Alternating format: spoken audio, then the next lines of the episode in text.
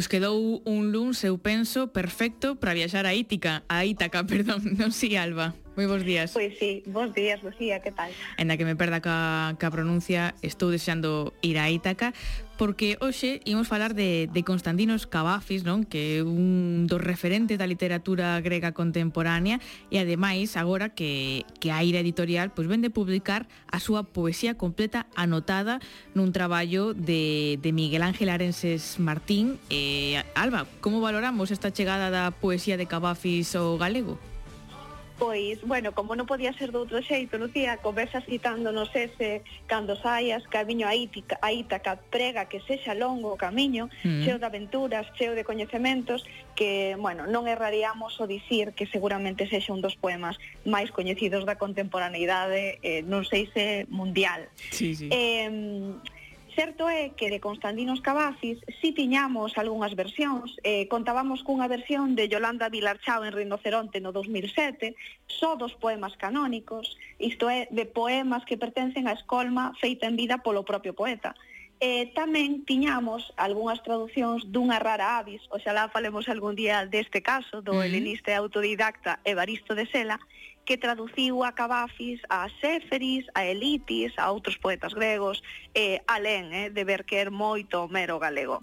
Entón, é certo que tiñamos algo de Cavafis, pero é a primeira vez que temos por extenso a poesía completa e ademais a poesía anotada, que no caso de alguén eh, dun poeta cunha pegada, cunha impronta tan importante do historicismo é algo que, en fin, en fin é necesario, non? Era moi necesaria esta lectura. Uh -huh. eh, sobre o propio Cavafis, Eh, Cavafis nace na cosmopolita Alexandría dos, no 1863, que acollía daquela unha potente comunidade grega era o noveno fillo dunha familia de gregos na diáspora. Eh, a, a grecidade, por así dicir, que escolle Cavafis, é unha agresividade complexa, é ampla. El vai recoñecerse ao longo da vida, vai dicir que é máis heleno que helénico, no mm. sentido de querer pensar non nos habitantes do Estado grego amplamente, isto é, nos gregos da diáspora, pero tamén na vastísima historia da Grecia clásica, que vai ser sempre un dos esteos fundamentais da súa poética. Vai desenvolver unha poética moi recoñecible que coidou e que reescribiu ato extremo.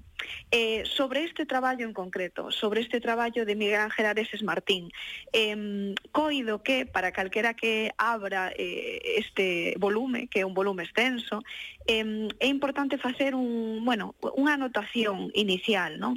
eh, compre vencer algunha resistencia de lectura, porque é certo que podemos detectar un certo aire, non, ou un elemento arcaizante de inicio que pode asustar un pouquiño, pero sería importante lembrar que xa hai no propio eh, Cavafis unha mm. natureza pendular.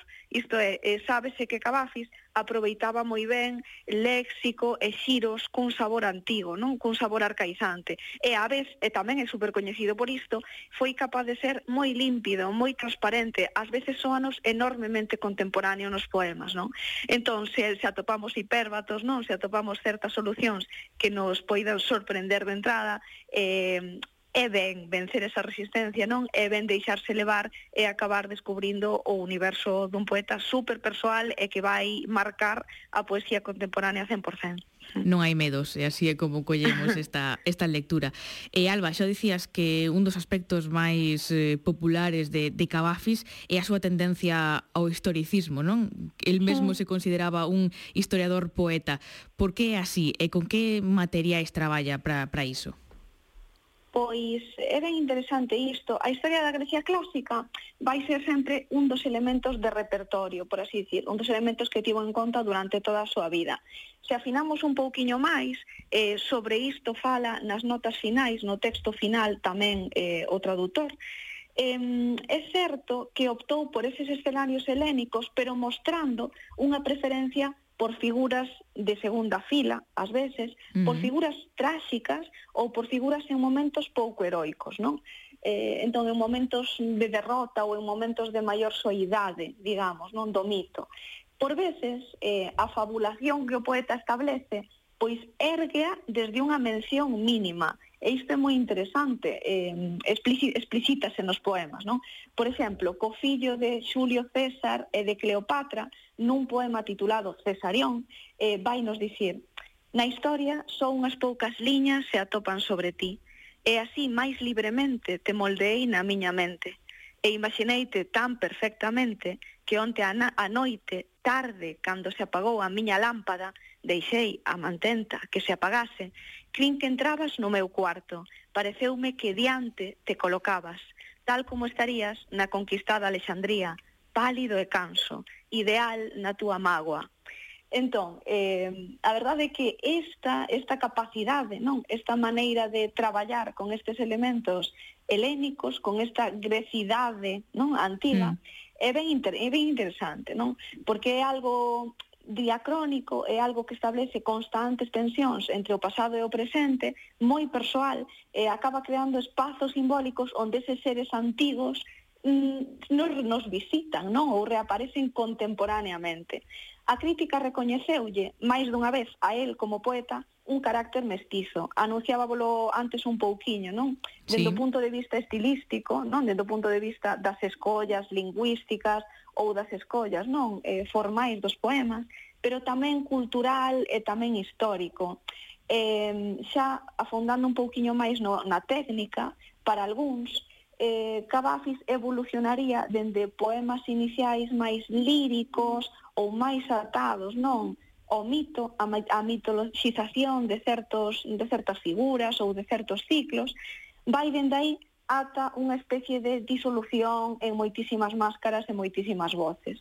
Eh, de todos xeitos, eh, máis alá disto, disto que vos contaba, non desa especie de contrahistoria, desinteresarse por figuras que quedan na sombra ou por figuras en momentos eh, que normalmente non se relatan ou non, ou non se relatan con ese grao de detalle eh, é super interesante tamén como traballa coa enumeración non? ou como consegue facer enormemente sensoriais descripcións de, imaginade, pois o 31 antes de Cristo en Alexandría, non? Mm. Parece que nos leva directamente a ese punto, directamente a ese lugar. Mm, totalmente. Eh, e Alba, Cavafis tamén é ben coñecido polos seus poemas eh, sensuais ou eróticos e máis concretamente por ser un dos poetas que, que escritura explícitamente o desexo homoerótico, non? Hmm, sí, así é. De feito, vou comezar léndovos un fragmento dun poema en prosa. Temos uh -huh. tres prosas poéticas ao final deste volume. Eh, a propia Margarita Ursenar, que foi unha das mm, figuras que quixo traducir a, Acabasis no seu día traduciu incluso os poemas, imaginade, en prosa, é dicir, mm. é alguén de quen foi recoñecido a realidade dende moi cedo, é certo ritmo, non moi contemporáneo. Entón, este titúlase O rexemento do prazer, e di, Non falen sobre inocencia, non falen sobre responsabilidade. Cando fala o rexemento do prazer, con música e estandartes, cando se estremecen e tremen os sentimentos, insensato e irrespectuoso é permanecer lonxe, non lanzarse a unha fermosa campaña militar dirixida á conquista dos gozos e dos desexos. Eh, eu penso que esta cuestión, por moito que, que aborde, non, dende múltiples gradacións temáticas e tonais, eh, é super, super relevante para entender a Cavafis. Eh, sempre flutúa entre a clandestinidade, a complicidade, entre a contención e o abandono. Chega a dicir Eros apresar o meu corpo, ou nalgún poema descríbenos non como Eros parece esculpir o corpo dun descoñecido que acaba de atopar na entrada dun bar. Entón, a, a poesía de Cavafi realmente cuestiona constantemente a valentía necesaria, as consecuencias da súa escolla, pero tamén a marca que cada un deses encontros vai deixarlle na memoria. Mm. Eh, vou vos ler un fragmento disto. Os gozos que medio reais, medio retornados na miña mente estaban, marchei no medio da iluminada noite, e bebín dos viños fortes, como beben os valentes do prazer. Eh, esa tensión, non? Esa, esa valentía necesaria necesaria é algo que reaparece constantemente en Cavafis. O máis sorprendente de algún dos meus poem, destes poemas, ao meu ver, é o grau de contemporaneidade, pero tamén de suxerencia. Son poemas moitas veces marcados pola oralidade, pero a lectura que o poeta vai realizar destes encontros pode ter eh, moi distintos tons, pode ter un ton moi melancólico, moi grave e outras veces transcendental. Eh, por exemplo, rememora un amante non doutro momento no corpo dun descoñecido que acaba de cruzar, rememora os cuartos, os espazos da cidade son tamén ben innovadores eh, vistos en Cavafis, uh mm-hmm. -huh. rememora un cuarto que el coñeceu anteriormente, rememora a vendaxe, a ferida, non a sangue dun compañeiro ou a acompaña os xestos clandestinos de homes que observa, non? De homes que veñen de se despedir para acabar anticipándose el a como todo iso vai reverberar no futuro, non? Na obra posterior dun poeta ou dun artista. Entón, é unha ollada enormemente interesante, chea de tensións, eh, moi moi relevante. Non é extraño que sexan dos poemas do corpus, non, máis coñecido sí. de Cavafis. Hmm. E Alba, a pregunta mm, definitiva, por que descubrir a Cavafis?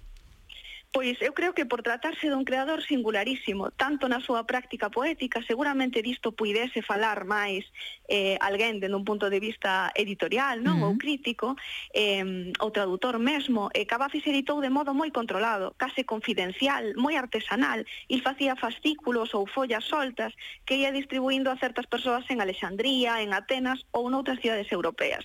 Pero tamén super singular en canto ao seu universo, a esa maneira de traer non o pasado á área idea do presente, eh, de mesturalo, non? de reinventar e de cuestionar figuras.